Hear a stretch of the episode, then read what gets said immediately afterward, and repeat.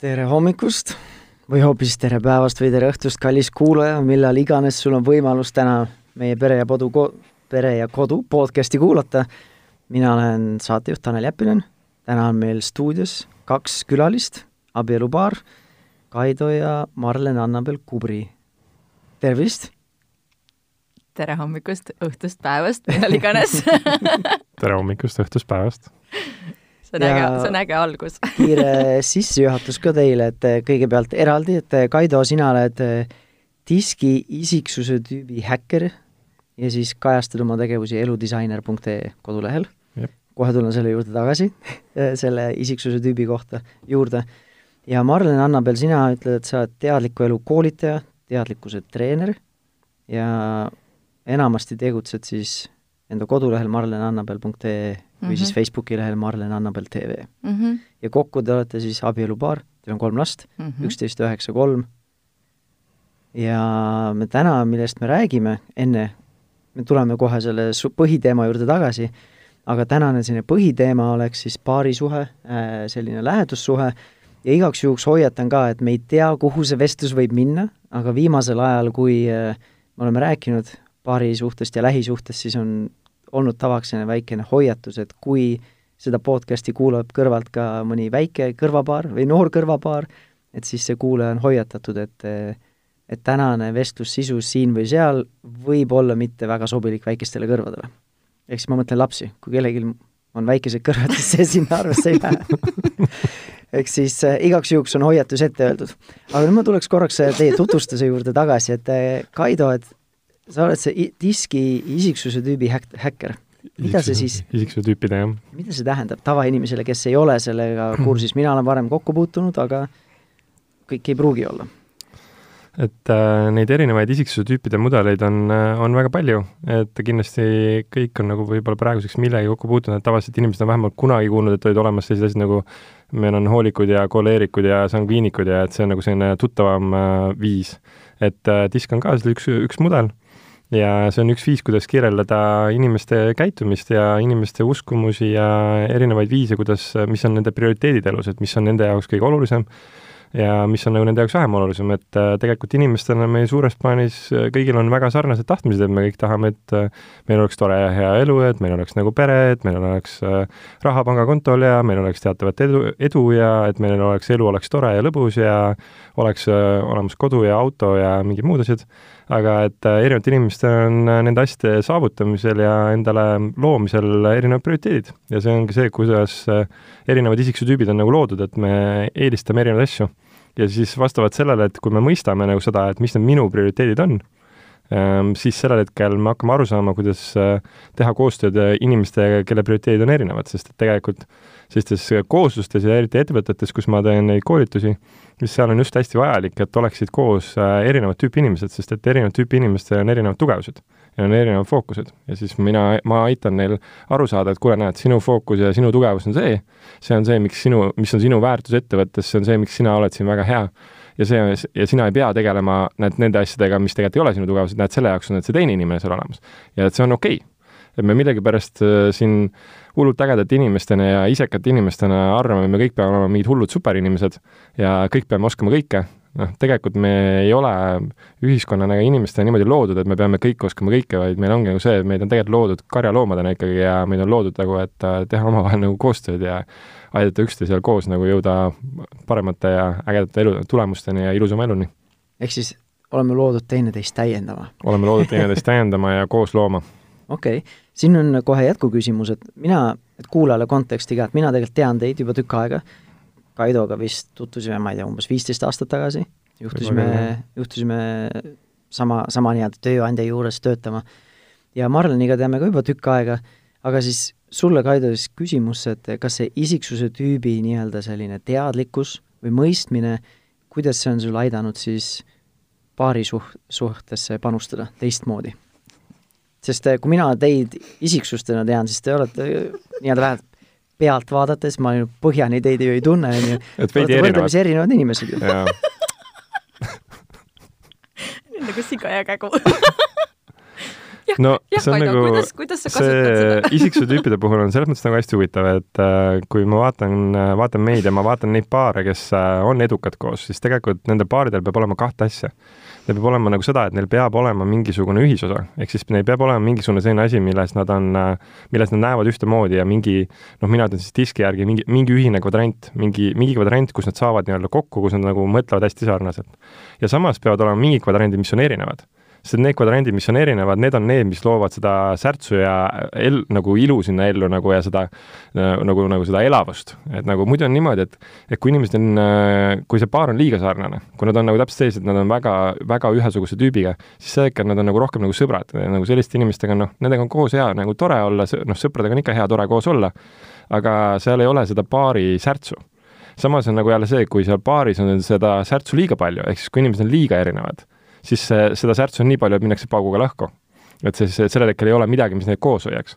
ehk siis sellisel toredal nagu ägedal kasvaval paaril, kes ongi nagu kõrvaltvaates sa näed, et nagu igatipidi äge elu, seal neil on alati nagu see mingi ühisosa, kus on nagu, kus nad nii-öelda saavad kokku, kus nad nagu loovad koos ja siis on see, see mingi erinevus ja nendel, nendel paaridel on ka see, et nad kaitsevad seda erinevust, et üks asi, mis on meid nagu läbi aastate hästi palju aidanud, on see, et me kaitseme üksteise erinevust, et me ei, ma ei ürita teha teda endasuguseks ja tema ei ürita teha, teha mind endasuguseks, et me kaitseme seda oma, oma nägu nii-öelda oma suhtes ja mõistame, et see on tegelikult väärtus, see on midagi, see on mingi väärtus, mis sellesse suhtesse juurde panustab mm. -hmm. tulles, Marlen, sinu juurde, et äh, sa nagu ütled, oled teadliku elu koolitaja ja ma ei tea, kas see on sinu olnud äh, selline teadlik valik, aga sa kipud hästi palju kõnetama just naisi mm. -hmm. isegi kui ma olen käinud, olen käinud, kui me käisime äh, Maretiga, minu naisega baariteraapias, siis kuskilt siit-sealt käis sinu nimi läbi Mareti poolt ja siis terapeut ka kohe ütles, et jaa, jaa, et Marlen on siis see, kes aitab naistel siis, ma ei tea,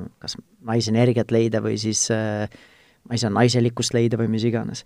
et äh, kas see on sul olnud teadlik valik või sa oled kuidagi nagu jõudnud sinna või miks või kas sa siis mehi nii-öelda jätad kõrvale tead, see on hullult äge küsimus aga ma las ma mõtlen, kui ausalt ma sellele nüüd vastata saan vaata, Tanel, kui sa hakkad tegema mingit äriasja, on ju, siis kõik ütlevad sulle, et sa pead nagu soo-, leidma sihtgrupi, on ju, sa pead teadma, kellele sa midagi teed, on ju.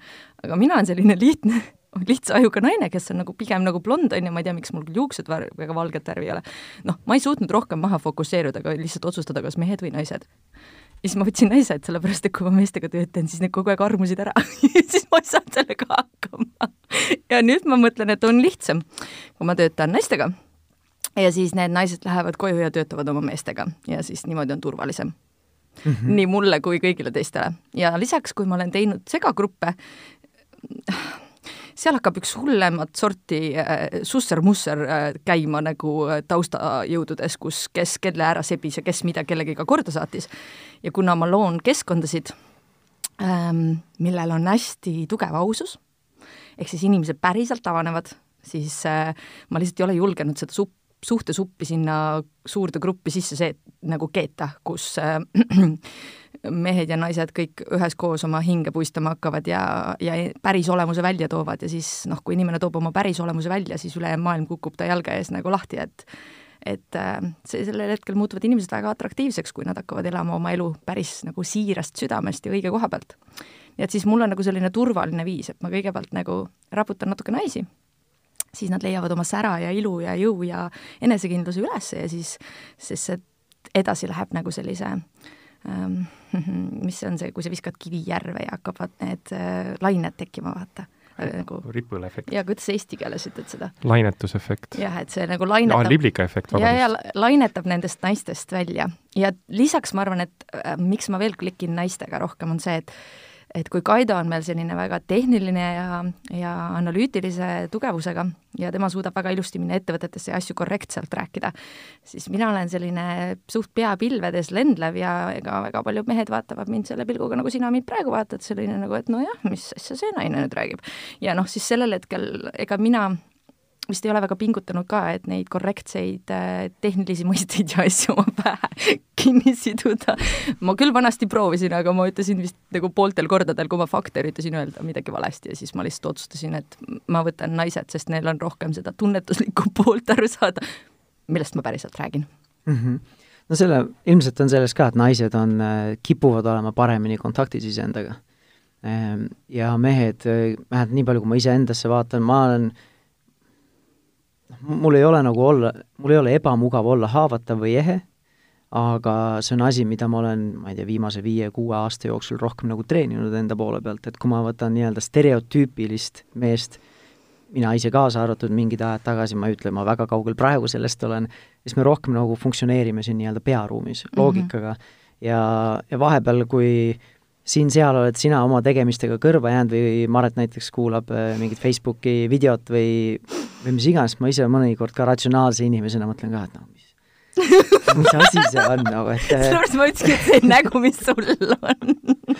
et äh, et kuidagi sellised, ongi sa nagu sa ütlesid, et naised on rohkem nagu tunnetajad, eh, mehed on rohkem nagu mõtlejad võib-olla. et tead, tegelikult seal taga on veel üks laiendus, et tegelikult äh, need kaks osa ei ole mitte lihtsalt mees ja naine, vaid äh, need on naisenergia ja meesenergia ja äh, naisenergia on tegelikult olemas nii meestes kui naistes, samamoodi on meesenergia olemas nii meestes kui naistes.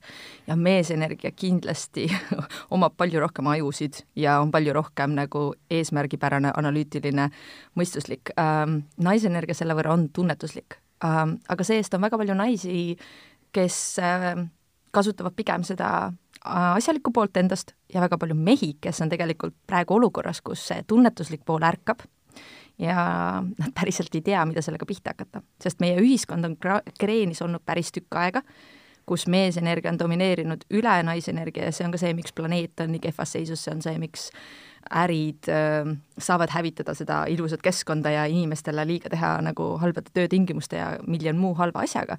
Et kui naised juhiksid planeeti oma läbi oma südame ja naisenergia, siis oleks ammu juba tasakaalu tagasi läinud. aga praegu me oleme selles protsessis, kus see naisenergia tõstab pead mitte ainult naistes, vaid tegelikult ka meestes. ehk siis see tunnetuslik pool, kus me, kus me enam ei ole valmis lihtsalt rabama ähm,, mis on siis hommikul kaheksast õhtu viieni äh,, ostma pangalaenuga kodu ülejäänud aja rabama, rabama, rabama ja siis üks hetk avastad, et oi issand, elu sai läbi, mis tegin.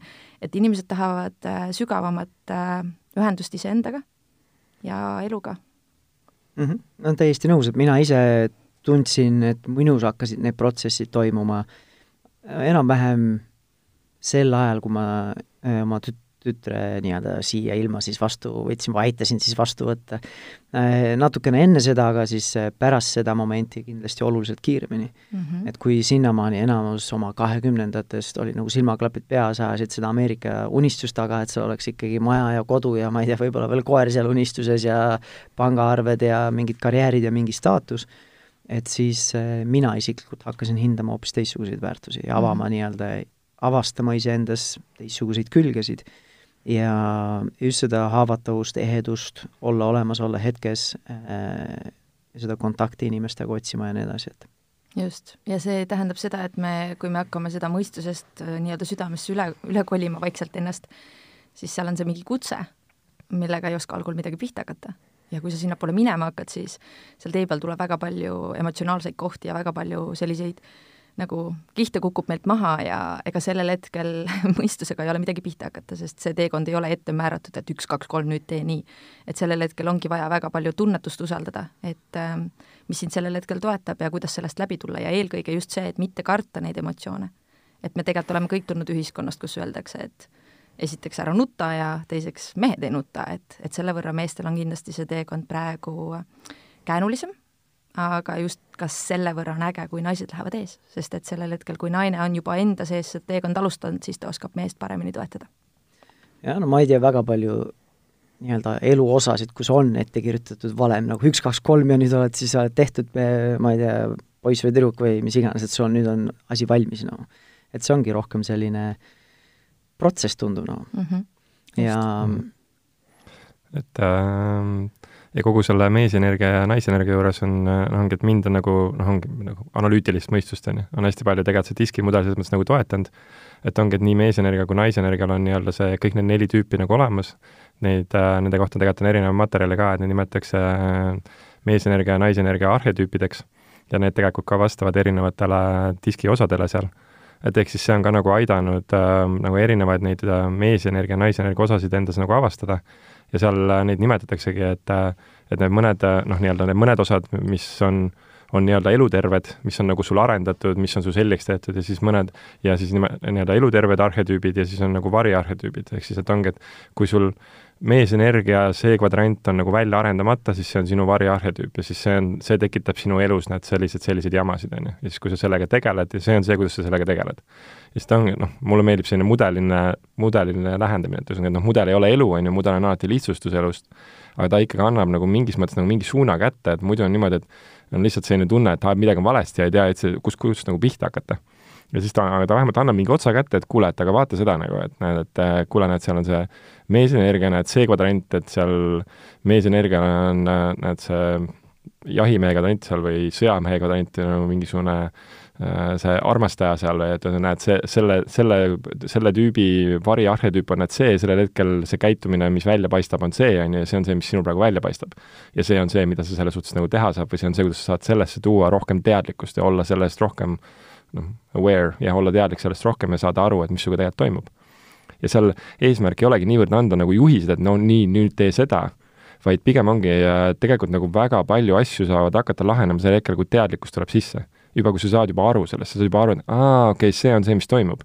ja siis sellel hetkel, mis iganes need lahendussammud tegelikult on, need tegelikult näitavad ennast ja siis sellel hetkel see tee nii-öelda kerib ennast lahti ja see kerib ennast lahti iga inimese jaoks eraldi, et nagu, et see ongi, see ongi see, miks äh, nagu et noh, et ei saagi inimestele, tegelikult ei tohikski nagu anda selliseid etteantud radasid, et noh, et nii, nüüd käi seda rada, on ju, siis sa saad nagu mingi tulemuse. sest et iga inimese rada on väga erinev, sest et iga inimene on erinev. ja siis, mis tähendab seda, et nagu see rada, mis nagu ühe inimese jaoks nagu toimib, see ei pruugi teise jaoks üldse toimida. jah, et keegi võib, noh, sa võid lugeda kellegi teise rada, aga see on nagu pigem nagu mõeldud inspiratsiooniks ja innustuseks, et aa ah,, okei okay,, et noh, et see on võimalik, siis tema leidis oma raja, see tähendab seda, et mina võin ka oma raja leida aga siis hakata ikkagi, lõppkokkuvõttes on ikkagi oluline see, et hakkad kuulama iseennast ja saada aru, et okei okay,, kus need minu sammud on, mis on minu järgmine samm, kuhu ma nüüd edasi lähen. kindlasti, et igasugune selline enesemõistmine aitab sul võib-olla isegi mõtestada ja aru saada oma kogemusest, kus sa oled. et ma olen äh, hiljuti või mingi aeg tagasi ma lugesin näiteks uurimust ka, et kui teismelistele õpetatakse äh, aju arengut, et mis on need protsessid, millega, millest minu aju praegu läbi käib sellises, selles kasvufaasis, et siis need teismelised olid ka paremini või rohkem võimekad reguleerima iseennast, oma käitumist, oma emotsioone, oma impulsse ja nii edasi. No me teeme oma lastega, me oma lastega teeme praegu sama, et üheteist ja üheksa-aastastega meil on väga ausad vestlused sellel teemal, et mis nendega toimub ja kui nii-öelda, kus faasis nemad oma elus parasjagu on ja mis nendega selle jooksul toimub ja väga teadlikult, Kaido on eriti see, kes aitab mul vahepeal meelde tuletada, et et äh, lastega on äge olnud see, et äh, nii kui mulle tundub, et sa oled leiutanud mingi valemi, et sa saad neist jälle aru ja nad nagu kuidagi teevad sinuga mõnusasti koostööd, siis järgmine, et sa saad aru, et keegi neist on jälle muutunud. ja need suuremad muutused on tegelikult just siis, kui see ajuvõnke sagedus on muutunud ja nende teadlikkus jälle järgmise taseme peale läinud. ja, ja see tegelikult on meid ka lapsevanematena tohutu palju toetanud pluss lisaks nagu tegelikult me kasutame isiksuse tüüpide mudelit äh, nii omavahel suhtes kui, kui lastega suhtlemises äh, vägagi teadlikult. ja nüüdseks tegelikult oleme õpetanud seda ka oma üheksasele ja üheteistkümnesele, et äh, ka nemad oskavad isiksuse tüüpe juba määrata ja, ja teadlikult ka selle võrra mõista, et miks, miks keegi käitub nii, nagu ta käitub mm. -hmm. põnev värk, sellest võiks juba eraldi saate teha, aga aga täna me tahtsime natukene teise, teise suunda ka minna. ja üks põhjus, miks ma tahtsin üldse teiega siin rääkida, miks mul oli hästi, hästi hea meel, kui te ise olite valmis siia tulema, on just see, et, et vaadates teid kõrvalt, et tundub, et te nii perena, paarina ja, ja ka eraldi nii-öelda indiviididena julgete ise teha endast lähtuvalt valikuid ja otsuseid lihtsalt kõrvalt vaadates kas või see, et te mõlemad olete eraettevõtjad, saate oma elu nii-öelda, nagu Kaido siis selle veebilehe nimi on ka eludisainer, et saate isegi nii-öelda disainida seda, kuidas te tahate oma elu kogeda. olgu siis see, et kui üks aasta kuskilt sotsiaalmeediast käis läbi, et kuidas Marlen läks kolme lapsega kuskile tuhat nelja kuskile Aasiasse, ma ei tea, kui kauaks, on ju, et, et nii-öelda omaette, mis iganes seal põhjused olid, aga mina neid ei teagi, ma ei ole süvenenud ja, või ka sellest, et kuidas oma paari, paarisuhet ja paarielu elate, on ju. et kust äh, sellised asjad nagu alguse on saanud, on see mingi avastus olnud, et, et me ei taha nii-öelda elada niimoodi, nagu kõik teised on elanud või nagu mitu põlvkonda on meile ette kirjutanud, kuidas on õige elada või kuidas ühiskond arvab, et kuidas üks pere peaks elama ja nii edasi, et kust, kust see nagu alguse on saanud või see oli juba tegelikult see enne juba olemas, enne kui te siis kokku hakkasite elama? ma äkki avan selle teema, Kaido saab täiendada. Ma kardan, et natukene olen rohkem mina süüdi kui Kaido, aga vaatame, mis ta selle peale, mis näo ta teeb mm. -hmm. natuke, ma panen sinu süüks kõik ja ma arvan, et see tuli tegelikult, see tuli sellest, et äh, minu enda lugu on see, et äh, noh, ma olen üks nendest lastest, kes on siis lahutatud perest ja kui see lahutus meie perest üle käis, siis äh, noh, ega ma esiteks ei saanud aru, mis toimus, teiseks mu elu oli pea peale pööratud ja ma kümme aastat peale seda veetsin päris nagu emotsionaalselt ja ja finantsiliselt ja igatepidi väga-väga keerulistes olukordades uh,, sest lihtsalt kogu tugistruktuur kadus. ja ma vaatasin seda pealt, kuidas mu vanemate suhe haihtus õhku üleöö ehk siis nagu kõik nägi välja täpselt nagu me elaksime pilve peal no,. ilmse, ilmselt ei, üleöö see ei juhtunud. juhtus aga... üleöö, ehk siis põhimõtteliselt okay. me sõitsime koju äh, lõunapaiku, ema ütles, et me lähme lahku ja järgmine päev isa poolt. Ja nii oligi, üleöö oli läinud. ja ma lihtsalt nagu vaatasin sellele otsa, mul oli nagu, et äh, mis just, mis just juhtus. mina olin teismeline, jah. ja, ja, ja sellel hetkel ma saan aru, et noh, midagi pidi olema juba enne seda ju. et see ei ole lihtsalt nagu, mina lihtsalt ei näinud ja see, see valu sellest, mida ma läbi elasin tollel hetkel, äh, pluss see, et ma ise kaotasin oma nagu tugi, nagu kogu selle perekondliku toe ja finantsilise toe, noh, loomulikult ma armastan oma vanemat täiega, ma tean, et nad tegid oma parima sellel hetkel, mida nemad suutsid, nad olid ise ju ka kriisis. aga see tohutult tekitas viha ja see tekitas seda, et äh, ma tahaks vanduma hakata, aga ütleme viisakate sõnadega, et et mis siin maailmas valesti on, et nagu kuidas see võimalik on, et suhted niimoodi nagu äh, liiva jooksevad. ja see tekitas huvi. ehk siis kümmekond aastat, võib-olla isegi rohkem peale seda olin mina noh, ma jooksin tegelikult esiteks ise ühest suhtest teise, üritades meeleheitlikult välja nuputada, kuidas suhted toimivad.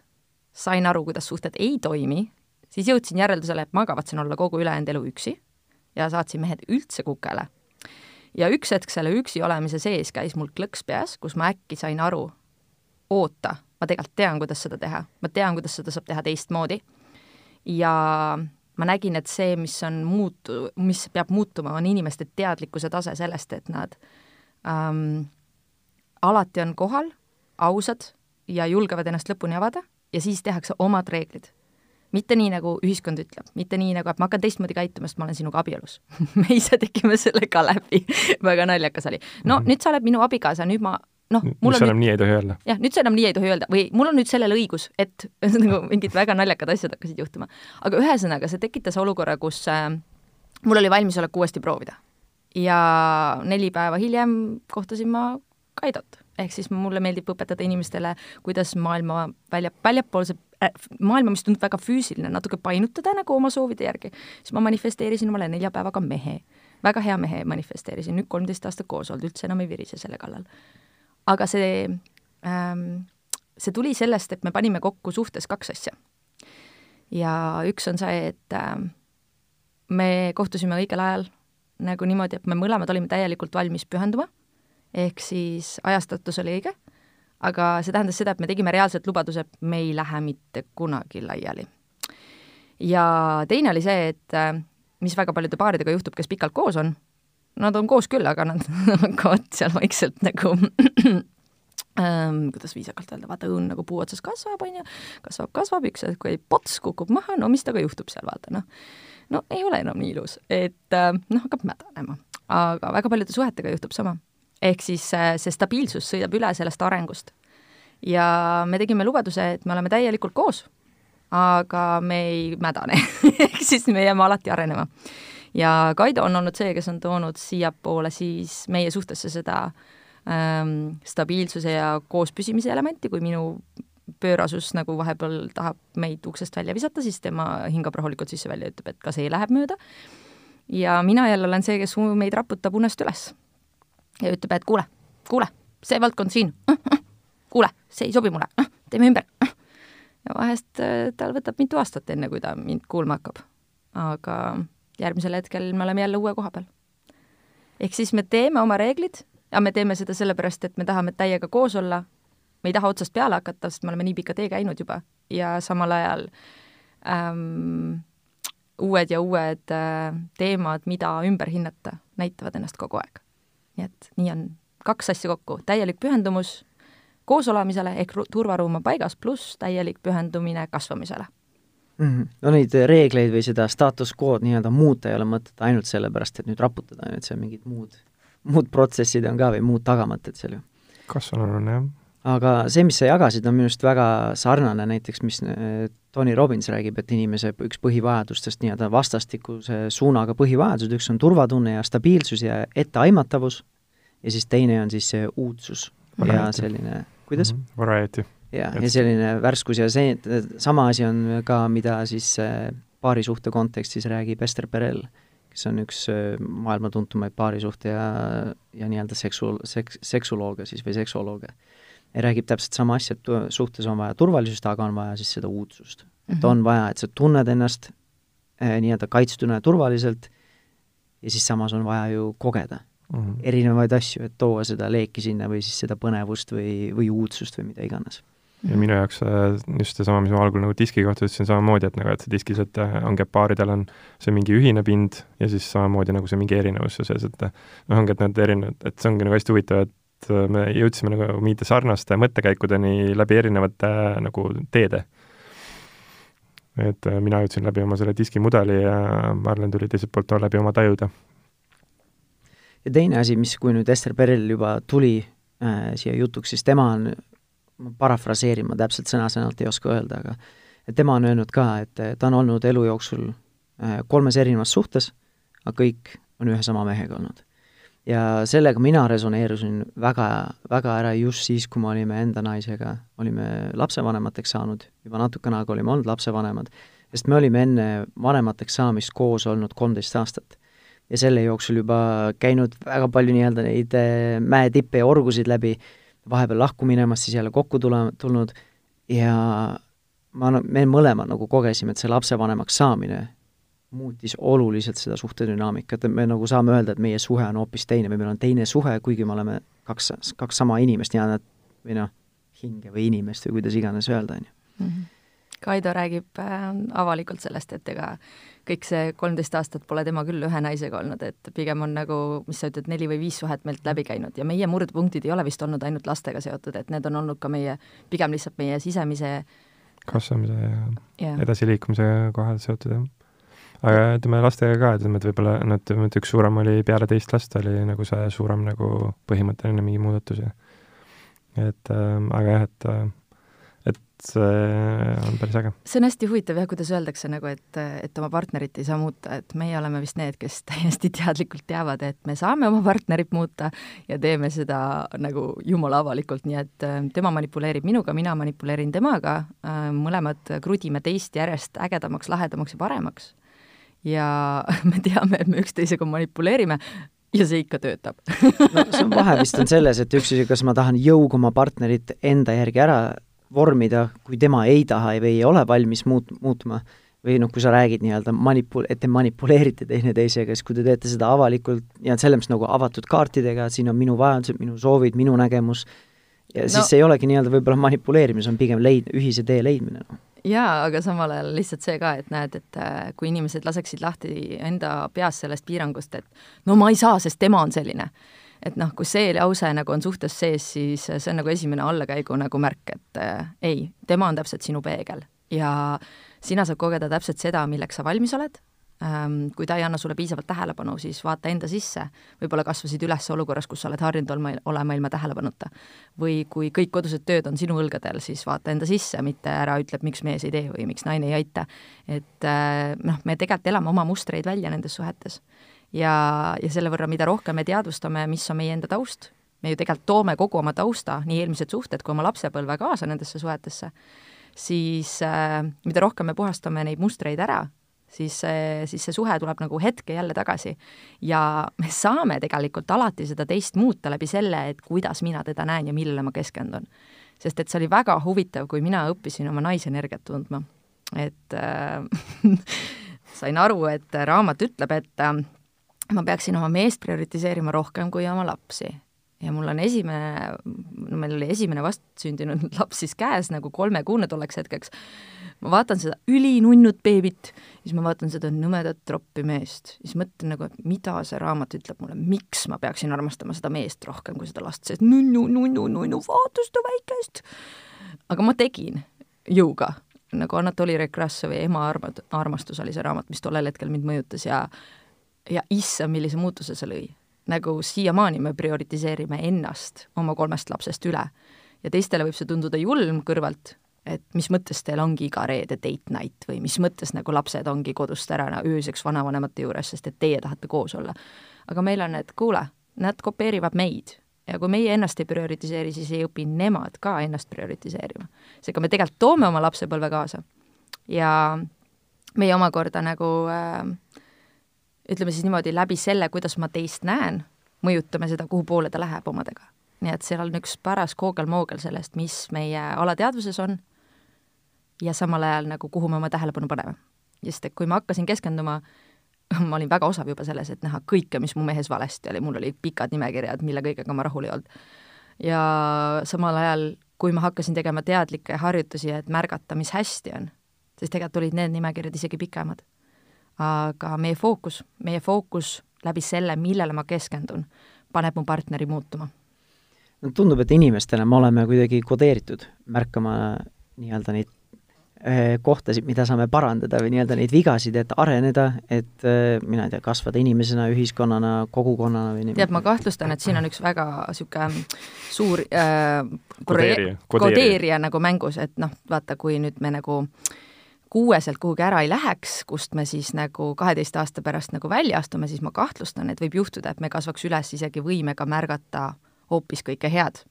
aga seal on mega suur osa meie programmeeringust, sest et lapsed lähevad kooli tegelikult täpselt sellel hetkel, kui nende võime valida hakkab arenema ja sellel hetkel pannakse praeguse süsteemi järgi ikka veel fookus väljapoole. keegi teine teab must paremini õpetaja teab paremini, lapsevanemad teavad paremini ja kui sa teed töö, milles on kõik õige, aga kolm viga, siis punane ring on ümber sellel punasel veal. Ja see süsteem iseenesest on tegelikult üle saja aasta vana ja loodi selleks, et ähm, treenida. treenida töötajaid tehastesse, sai alguse Ameerikast ja tööstusrevolutsioonist. ja kuna inimesed kolisid äh, maalt linna äh, selleks, et tehastes töötada, siis lastega juhtus väga palju õnnetusi, kui nad olid tehastes, lapsed oli vaja kuhugi ära panna ja lisaks oli vaja siis koolitada see koolkond peale. loomulikult on seal kõike head ka, et äh, aga lihtsalt ütleme niimoodi, et see kodeering äh, osadesse meist on läinud tugevamini sisse ja teised on pääsenud sellest kergemini, et mina olin kindlasti üks nendest, kes tuli koolisüsteemist äh, nagu natukene sellises külglibisemises läbi, et äh, Kaido jällegi see-eest sai mõjutatud tugevamini sellest, et kõik peab olema väga korrektselt tehtud ja need, need asjad tegelikult, kui sa neid teadvustama hakkad, vabastavad sind, et sa saad hakata ise valima.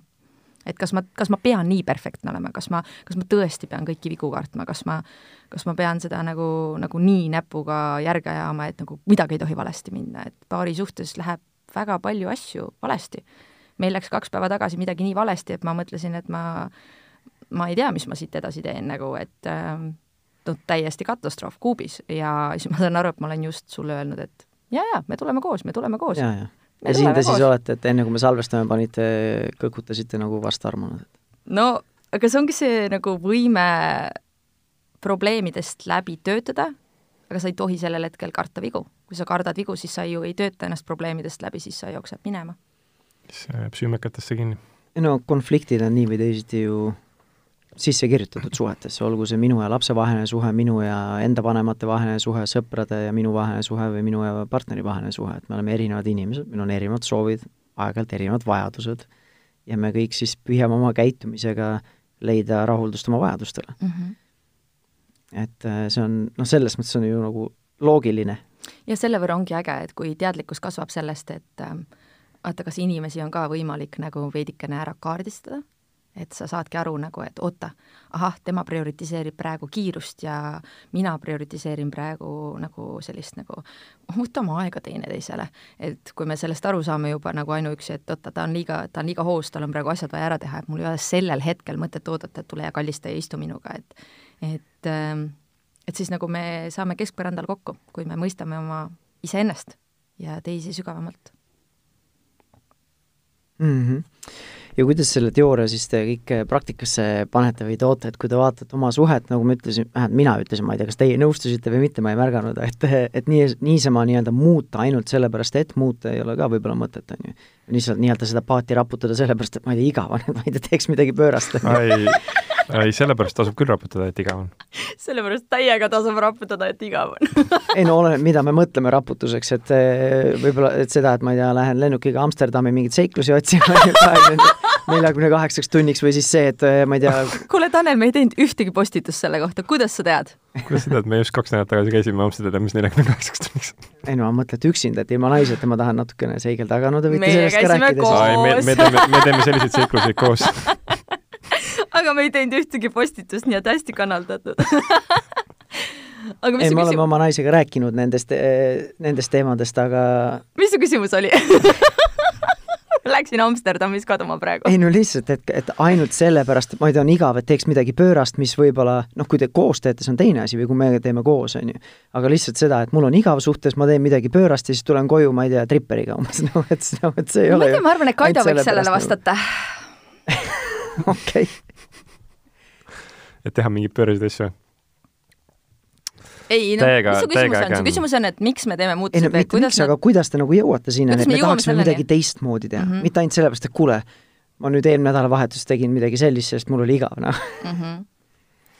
kuidas me jõuame muutusteni, on nagu see, et, äh, et mingid nagu noh, minu, minu jaoks nagu ma jõuan muutusteni selline, ma näen, et, äh, et Marlen läheb närvi et sa pead midagi teistmoodi. jaa, see on aga nagu see koht on nagu, sest tema on, tema on minu peegel. Aga see, see, et mida teha, on ju väga erinev, kas see, et ma tulen nüüd õhtul lillega koju või siis ma tulen õhtul täiega, koju, see lähen sekspoest läbi, tulen mingi mänguasjaga koju või millegi, mingi muu kolmas lahendus üldse, on ju.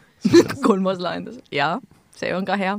see on täiega erinev et, äh, et see koht, kus kohas mis muutused loob, ongi nagu see, et äh, ma näen, et minu jaoks, noh, et ongi, kuna minu nagu äh, see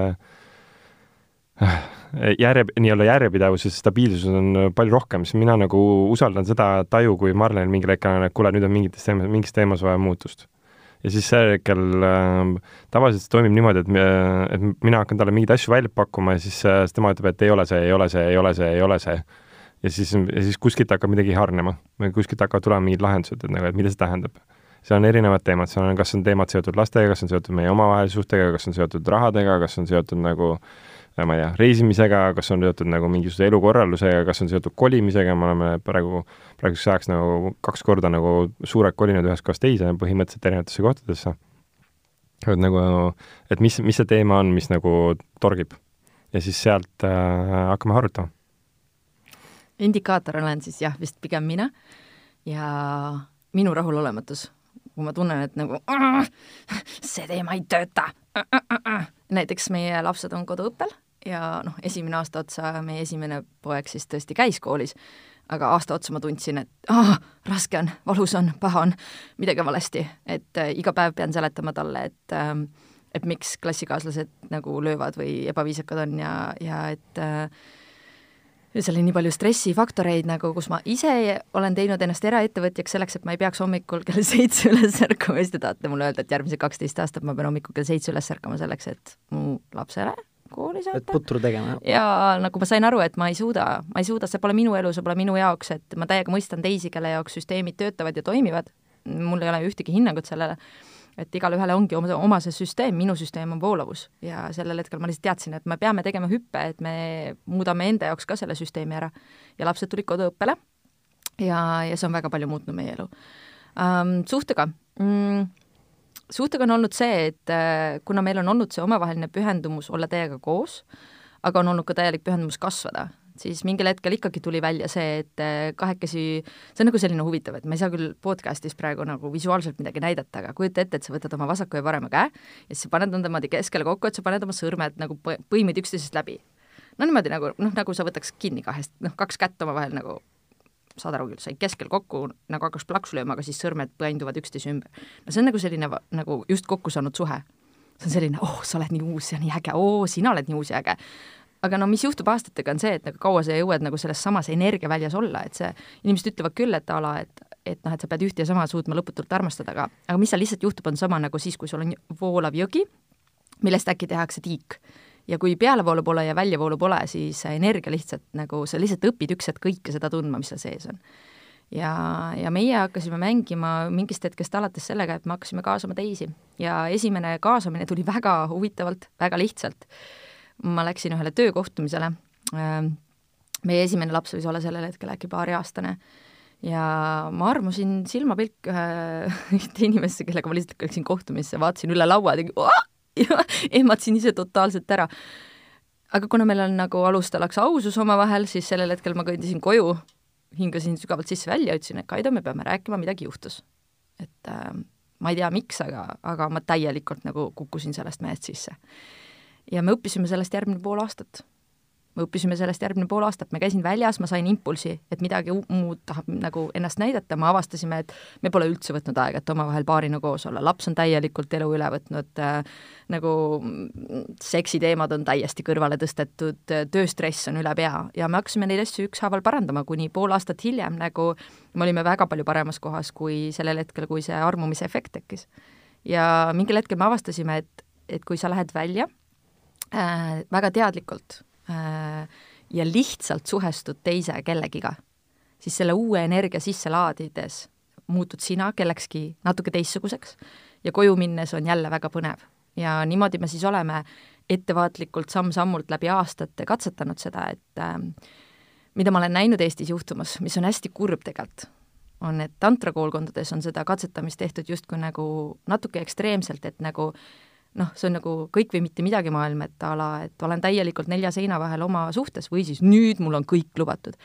aga muutuseid ei tohi tuua sisse rohkem, kui sa suudad sellega hakkama saada, sest iga uus puudutus muu-, muudab sind, iga iga silmapilk kellegi hinge, iga nagu hetk, kui sa lubad kellegiga avarduda, ära mine kaugemale kui see, millega sa hakkama saad, sest et sa lähed koju ja sa oled uus inimene, sa oled muutunud ja su partner peab sulle järgi jõudma ehk siis meie nagu viis nagu muutuda on selles mõttes olnud tegelikult väga-väga leebe, hästi väikeste sammudega korraga. Ja, ja me oleme kaasanud teisi selleks, et äh, üksteist leida uuesti uuel tasemel ja siis järgmisel hetkel jälle suhte uksed kinni pannud selleks, et turvaruumi üles ehitada.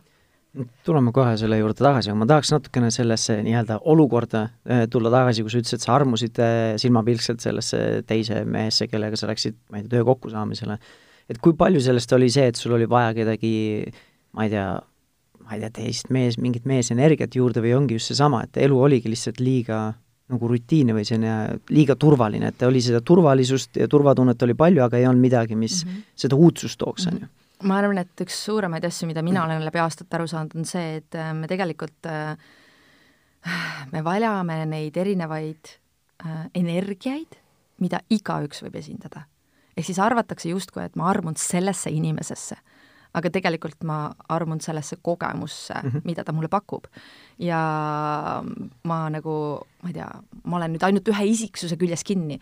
Ei ole. Tegelikult, kus muidu ma ei leiaks ka kunagi oma seda ühte üles, on ju, et täitsa jama, ise sündisid siia, sinu üks on seal Indias, on ju, noh ja siis istud siin õnnetuses ülejäänud elu, et et ikka sa leiad ju tegelikult oma lähiringist selle kellegi, kellega sa klapid ma, ma olen sada protsenti nõustun sinuga, et tegelikult see on see kogemus, mida me mm, -hmm. millega me nii-öelda ära klikime, et ma nagu loo-, täiesti teine nii-öelda näide, võib-olla jabur näide, näide on ju, et ma hiljuti just käisin Kanadas, kuna mul lennukis ei meeldi süüa, sest seal ei ole väga kvaliteetne söök, siis ma nii-öelda ümberistumistega ja ma jõudsin hilisõhtul koju, läksin magama, kokku ma paastusin kolmkümmend kuus tundi, et ma ei söönud, on ju.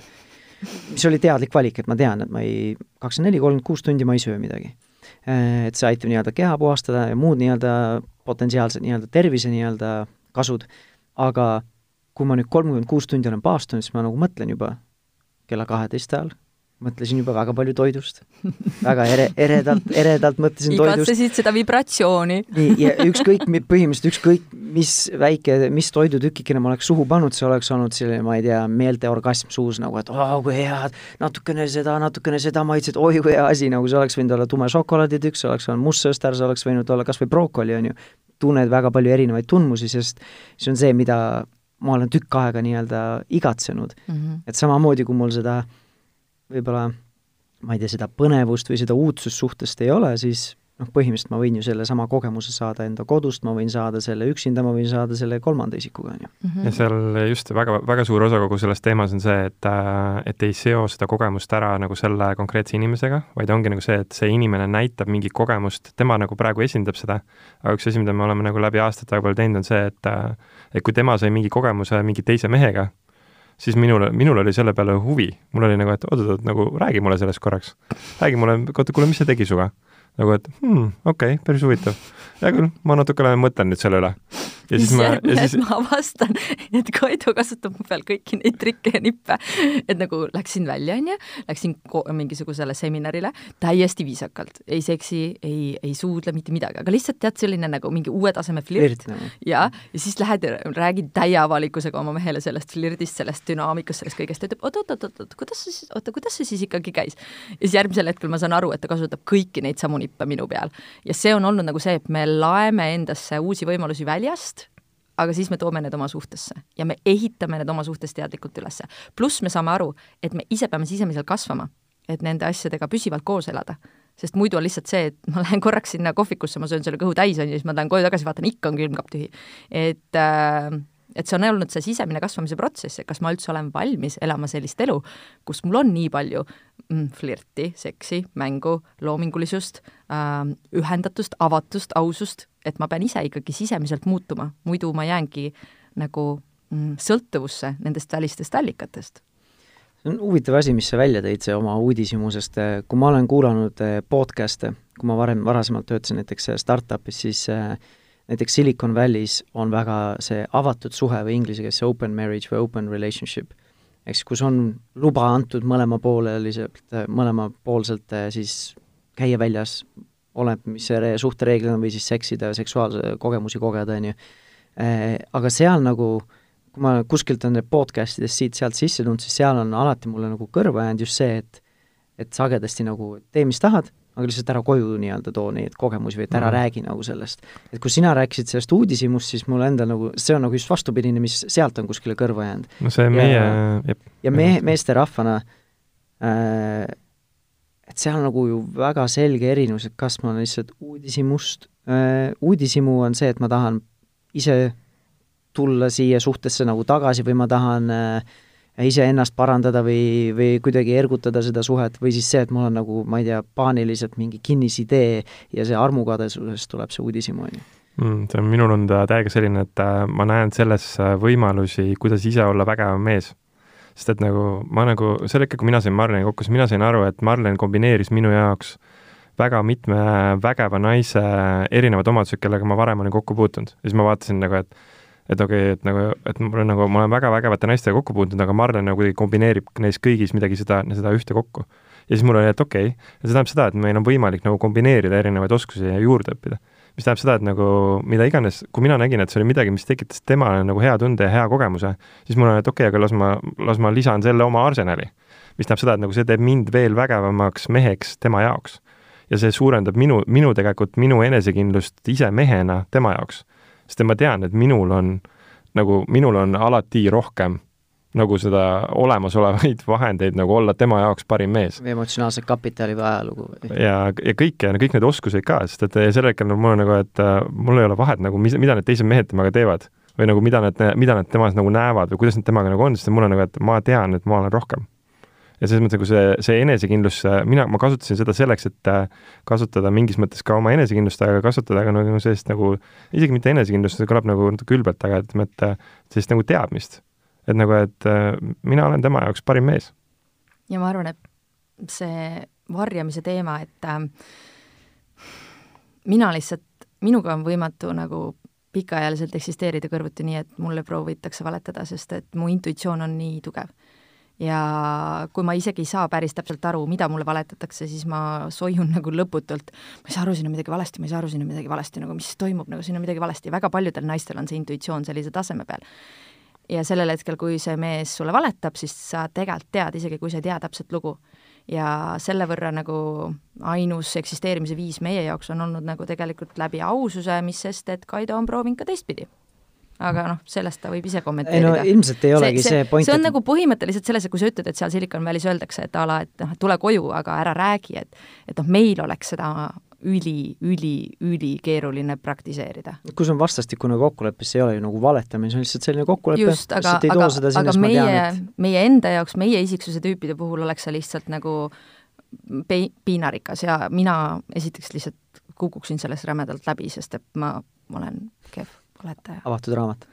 jaa, sellepärast ma ütlesin ka enne podcast'i, et, et Tanel, ole ettevaatlik oma küsimustega, sest ma mõtlen kõigile sulle otse ära vastata. okei okay., no siin noh, mina teie nii-öelda suhtest või sellest dünaamikast, ma olen mingil tasemel olnud teadlik äh,, loomulikult ma ei tea mingeid detaile ja ei ole mul end-, ei olegi nagu minu asi neid detaile teada, aga esimene kord, kui ma kuulsin sellest, ilmselt oligi kunagi kevadel äkki, et siis äh, kindlasti pani kulmu kergitama, sest see ei ole see, millega ma olen nagu arvestanud või harjunud, et selline võib olla suhe ja mis pane, pakub nagu mõlemale või noh, kolmele või kõigile siis, ma ei tea, kuidas öelda, on ju, kõigile osapooltele seda, mida nad ise otsivad või vajavad äh,. Aga nüüd, kui kuulaja esimest korda kuuleb ja ise paneb ka juba, kergitab samamoodi kulmusse, et millest nad räägivad siin, mis siin toimub nüüd, et rääkisime korraga mingist äh, paarisuhtest ja nüüd läks järsku väga keeruliseks see asi, et äh, tahate kuidagi täpsustada, mismoodi see dünaamika praegu teil siis välja näeb või ei taha?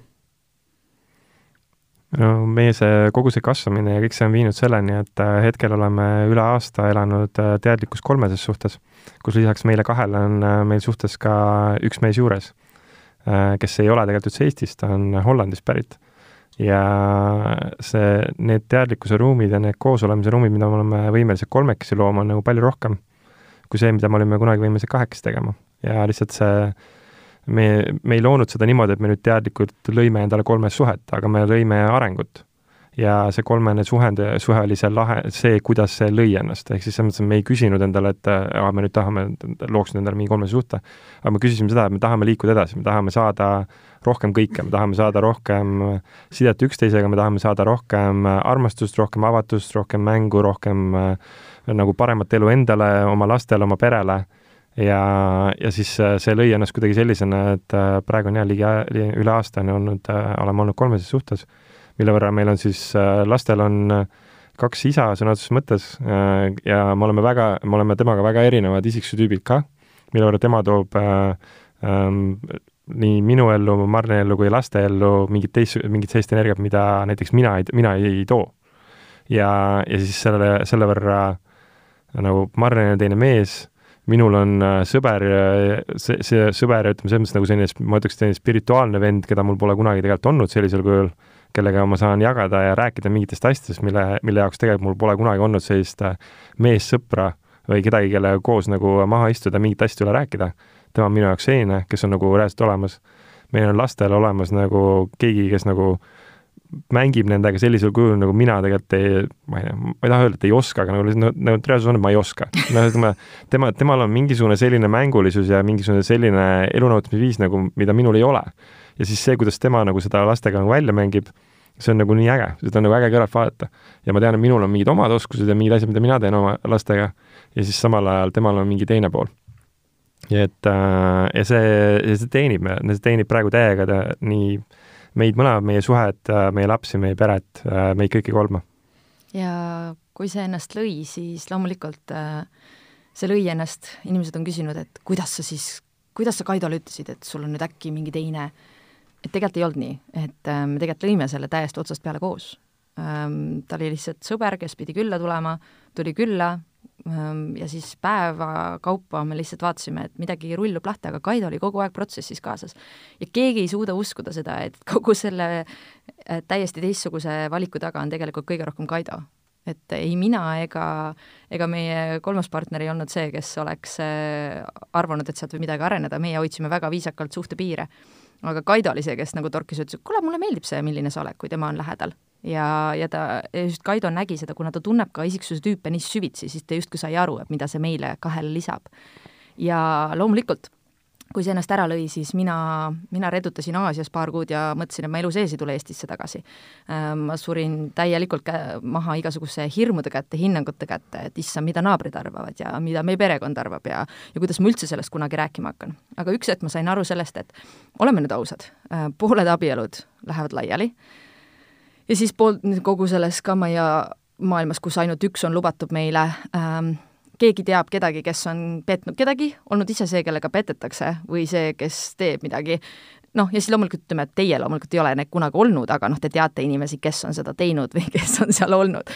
ja siis, kui ma lihtsalt ütlen inimestele välja, et teate, et tegelikult seda juhtub väga palju, enam-vähem kõik on ühte, teist või kolmandat pidi sellega seotud olnud, vahe on lihtsalt selles, et äh, meie julgeme sellest avalikult rääkida.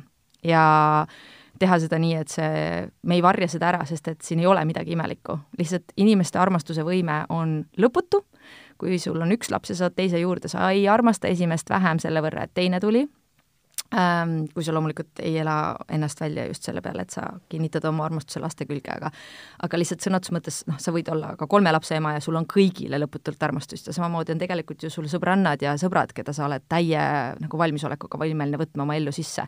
et lihtsalt me tuleme praegu ühiskonnakorraldusest, kus äh, paarisuhe, monogaamia on meid teeninud, see pakkus turvatunnet, Äh, struktuurina, aga inimeste vajadused emotsionaalselt on tegelikult muutunud ja mina näen, et äh, selle asemel, et meil on lõputult lõhutud suhteid, võiks meil olla rohkem teistsuguseid vorme, kus igaüks saab ise valida, mis teda teenib. et ma olen ammu vaadanud neid üksikemasid, kes igaüks üritab ise oma ots otsaga kokku tulla, et võta kolm-neli naist, kellel on kõigil lapsed, pane nad ühte korterisse elama, sul on korterikulud all, sul on äh, omavahel alati keegi, kellega rääkida, tugi kõrval, lastel koos tore kasvada, et nagu nii palju rohkem on tegelikult võimalusi. Ja ma arvan, et äh, maailm näitab, et me tegelikult liigume sinnapoole, et me tuleme sellest piiratusest välja ja me hakkame ise oma reegleid tegema, aga see ei tule, see ei tule üleöö, sest et ega, ega sellel hetkel, kui keegi hakkab esimesena teistmoodi tegema, on väga kerge vaadata selle viltu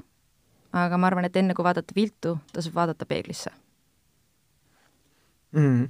ei no see nii-öelda suhtemudel või dünaamika on, ma arvan, et Eesti ühiskonnas võrdlemisi, eriti avalikult räägitult, on võrdlemisi nii-öelda uus või uuemeelne. Ja noh, ma ütlen, kui ma ise esimest korda kuulsin ka, siis ma ise nagu pidin ka päris mitu korda mõtlema, et mis, kuidas see täpselt on ja mismoodi see täpselt on huvitav, mis Kaido arvab sellest jaa, see on klassika. see on, meil on korduma kippuvate küsimuste nimekiri, kus me peame vastama. esimene on, et kas Kaido armukad ei ole? noh, Kaido, kuidas sul on sellega? rohkem armastust kõigil meil mm. -hmm. et sa teine on, et aga kuidas te seda oma lastele seletate? meie lastel on väga fun ja väga tore elu. Ehk siis see Neil ei ole sisse programmeeritud seda uskumust, et äh, abielu ja, ja just nagu ainult monogaamia on see ainus normaalsus, et nemad võtavad äh, igaühe ju avatud südamega vastu, et ka siis, kui sõbrad tulevad külla, siis uus inimene on ju kõige ägedam, sest tema saab seljas elada ja tema tegutseb sinuga, et et äh, et rohkem, rohkem kõike kõigile. ja siis küsitakse, et äh, noh, ütleme kõik välja või, et ega Kaido ometi nüüd nagu noh. ja te korraga magamistoas kolmekesi ei ole? oot-oot, see tuleb järgmisena mm., ega Kaido nüüd ometi keiks ei ole hakanud? ei ole hakanud ehk siis nendel on omavahel sõprussuhe. ja siis kolmekesi magamistoas, siis see koht on see, et ei, magamistoad on eraldi aga noh, mine sa tea, võib-olla meil üks hetk äh, kaks magamistuba või mis on minu magamistuba ja tema teise mehe magamistuba. kas sa oled kindel, et sa ikka tahad sellest rääkida, kallis, mõtle nüüd, see on podcast. hinga, hinga, meil olid kokkulepped. ja siis, ja siis. ta ütles sõna magamistuba jah, okei okay. no ühesõnaga, teil on eraldi magama e-, ehk siis, ma, ma, ma näen, et äh, me oleme päästetud kella poolt, nii et Teil on äh, rohkem kui üks magamistuba siis? meil on jah, rohkem kui üks magamistuba Näe, ja nüüdseks oleme jõudnud suhtedünaamikaga selleni, kus Kaido lobiseb nii palju, et mina pean pidur olema. ma arvan, et me oleme hästi arenenud. Aga no selles mõttes, et me ei saa, ei taha nagu minna ka teise äärmusse, et see on ainuke õige viis, kuidas kõik peaksid ju elama, on absoluutselt, ja et tegelikult, kui me nagu, räägime korra, nagu Kai-, Kaido enne seda salvestust rääkis ka, et et just see nagu hinnangute vaba olemine, et nagu mina olen seda näinud kõrvalt, kuna ma töötan lapsevanematega ja siis ongi, et oled sa üksikvanem, siis on teatud hinnangud, on ju eriti kui sa oled veel rohkem kui üks kord lahutatud ja oled üksikvanem nii-öelda enda valikuliselt, järelikult sa oled siis, ma ei tea, raske inimene, kellega koos olla või mingid muud hinnangud tulevad mm -hmm. sinna, oled sa kärgperes, siis on muud asjad, kui sa lahutad, siis tulevad muud hinnangud. olete kolmeli-, kolmeses suhtes nagu teie, siis tulevad teised ju, teised ja teised hinnangud. et äh, kuidas sellist äh, kuidas siis äh, külvata rohkem sellist tolerantsust, et ähm, et olla, olla okei okay sellega, mis on või kuidas võtta vastu see, et ja noh, teil, kui te olete pikka aega nagu koos nii-öelda nagu avanenud või arenenud, et meie jaoks oli see lihtsalt loomulik järgmine samm. aga ma mõtlengi, et kui ei ole nagu loomulik samm. enamike inimeste jaoks me ei soovitaks seda ja me ei räägi sellest selleks, et öelda, et te, et tehke midagi sellist.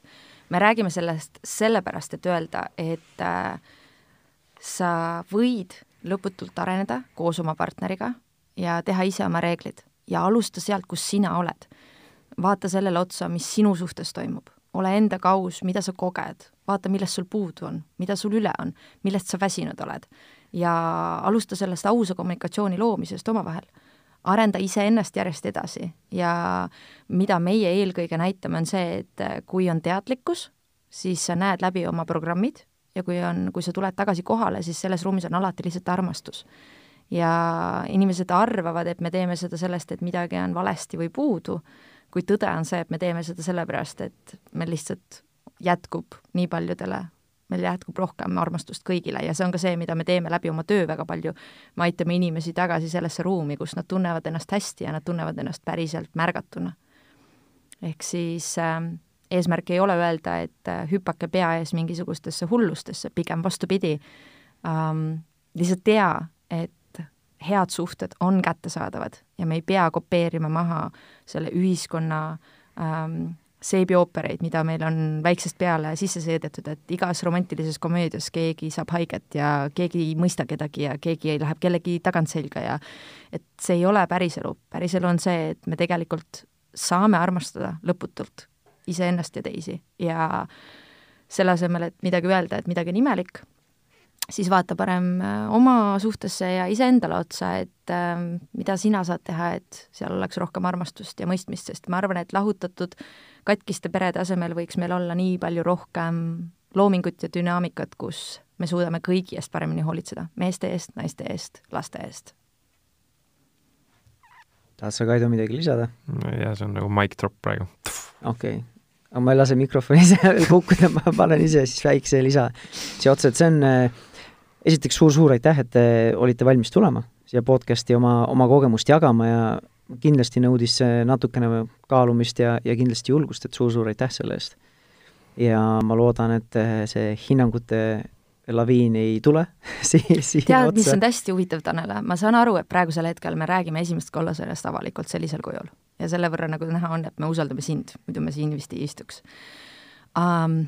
inimesed küsivad, et uh, kuidas me oleme hakkama saanud kommentaaridega kujutad sa ette, aasta peale, me ei ole saanud mitte ühtegi negatiivset kommentaari.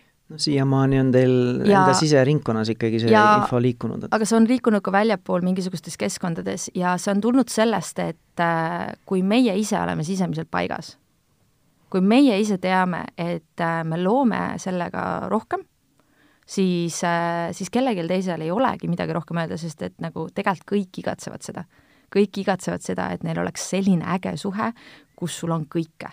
ja selles suhtes, mis meil praegu on, meil sõna otseses mõttes, meil on kõike ja küllaga. Ja me teeme lihtsalt omad reeglid nii, et meil on hea. Ja see julgustab teisi, sest nad näevad, et nad ei pea leppima vähemaga. Ja see tegelikult inspireerib, et vau wow,, oota, et kui nemad suudavad sellise hullumeelsuse ära korraldada, et nagu mis, mis meie siis teha saame, et äkki me saame ka kuidagi paremaks ja see avab seda kommunikatsiooni meeste ja naiste vahel, et ausalt rääkida sellest, mida nad kogevad, mida nad vajavad, mida nad igatsevad. ja kui me saame sellel teel kuidagi neile toeks olla läbi selle, et nad õpivad oma isiksuse tüüpi rohkem tundma, et nad mõistavad, et nad ei ole nende mõtted, tunded, et nad saavad valida seda, et nende minevik mõjutab neid tugevalt, et seda annab tervendada, siis, siis kogu maailm terveneb tegelikult. et me oleme tegelikult ühiskonnaga tegelikult ammu nüüd juba selleks valmis et rääkida uutest võimalustest? Ilmselt tundubki, et see võtmesõna, mis on käinud varasematest äh, paari suhte saadetest läbi ja mida sina siin mitu korda oled äh, ka nagu korrutanud või rõhutanud, ongi see, et avatud, aus suhtlemine, kõigepealt võib-olla olla avatud ja aus iseendaga ja siis oma partneriga, ja kui seda võib-olla sellist nagu kultuuri või sellist, selliseid väärtusi meie paari suhtes ei ole, siis tuleks alustadagi sealt. sest kui keegi, kui ma vaatan teid ja ka nii palju, kui ma tean teid, siis te olete olnud kümme-viisteist aastat koos, te olete koos kasvanud indiviididena, paarina, et kui keegi nüüd mõtleb, oh, miks mitte, läheb partneri juurde, kuule, ma tahan nüüd seda, sellist dünaamikat endale, siis ilmselt see ei lähe väga hästi, selline ja see on see, ja see on see hüppamise koht, mida ma nägin, kui Eestist käis üle tantralaine, kus hüpati, rebiti ja mindi katki et äh, see kindlasti ei ole tulnud meil hüppamisest ja üleöö mingisugusest, me oleme töötanud oma väga paljud reaktsioonid läbi, me oleme oma hirmud läbi töötanud, me oleme iga kord üksteise jaoks jälle käed üksteisele ümber pannud ja öelnud, et hei, ma saan aru, et äh, sa kardad praegu sellepärast, et see teine naine või teine mees oli korra nii või naa, aga liiga lähedal või, või liiga kuidagi tekitas mingi reaktsiooni, aga siis sellel hetkel ongi see, kus me alati taandume oma turvaruumi peale et meie oleme kõige olulisemad ja me hoiame üksteise ümber neid käsi niimoodi, et äh, keegi teine ei saa lõhkuda seda, mis meil omavahel on. ja millal iganes üks tunneb ennast ohustatuna, siis teine mitte kunagi ei suru üle. ei ole niimoodi, et aga minu tahtmised, sest mina tahan proovida. ei, kui te, mu partner ei ole valmis kaasa tulema, siis mina pean vastutama selle eest, et õppida teda sügavamalt tundma, katta ära tema vajadused, lahendada tema hirmud ja tekitada talle see täielik teadlikkus, et see miski, mida ma teen, loob enamat meile mõlemale. et ma ei lähe sellel hetkel jõuga üle oma soovi taga ajama, sest et see ei ole seda väärt. järgmisel hetkel on see jah, käest lennanud ja, ja sa oled tagasi selles kohas, kus sa kellelegi haiget tegid, et, et see on olnud väga pikk, ettevaatlik ja leebe protsess meie omavahel.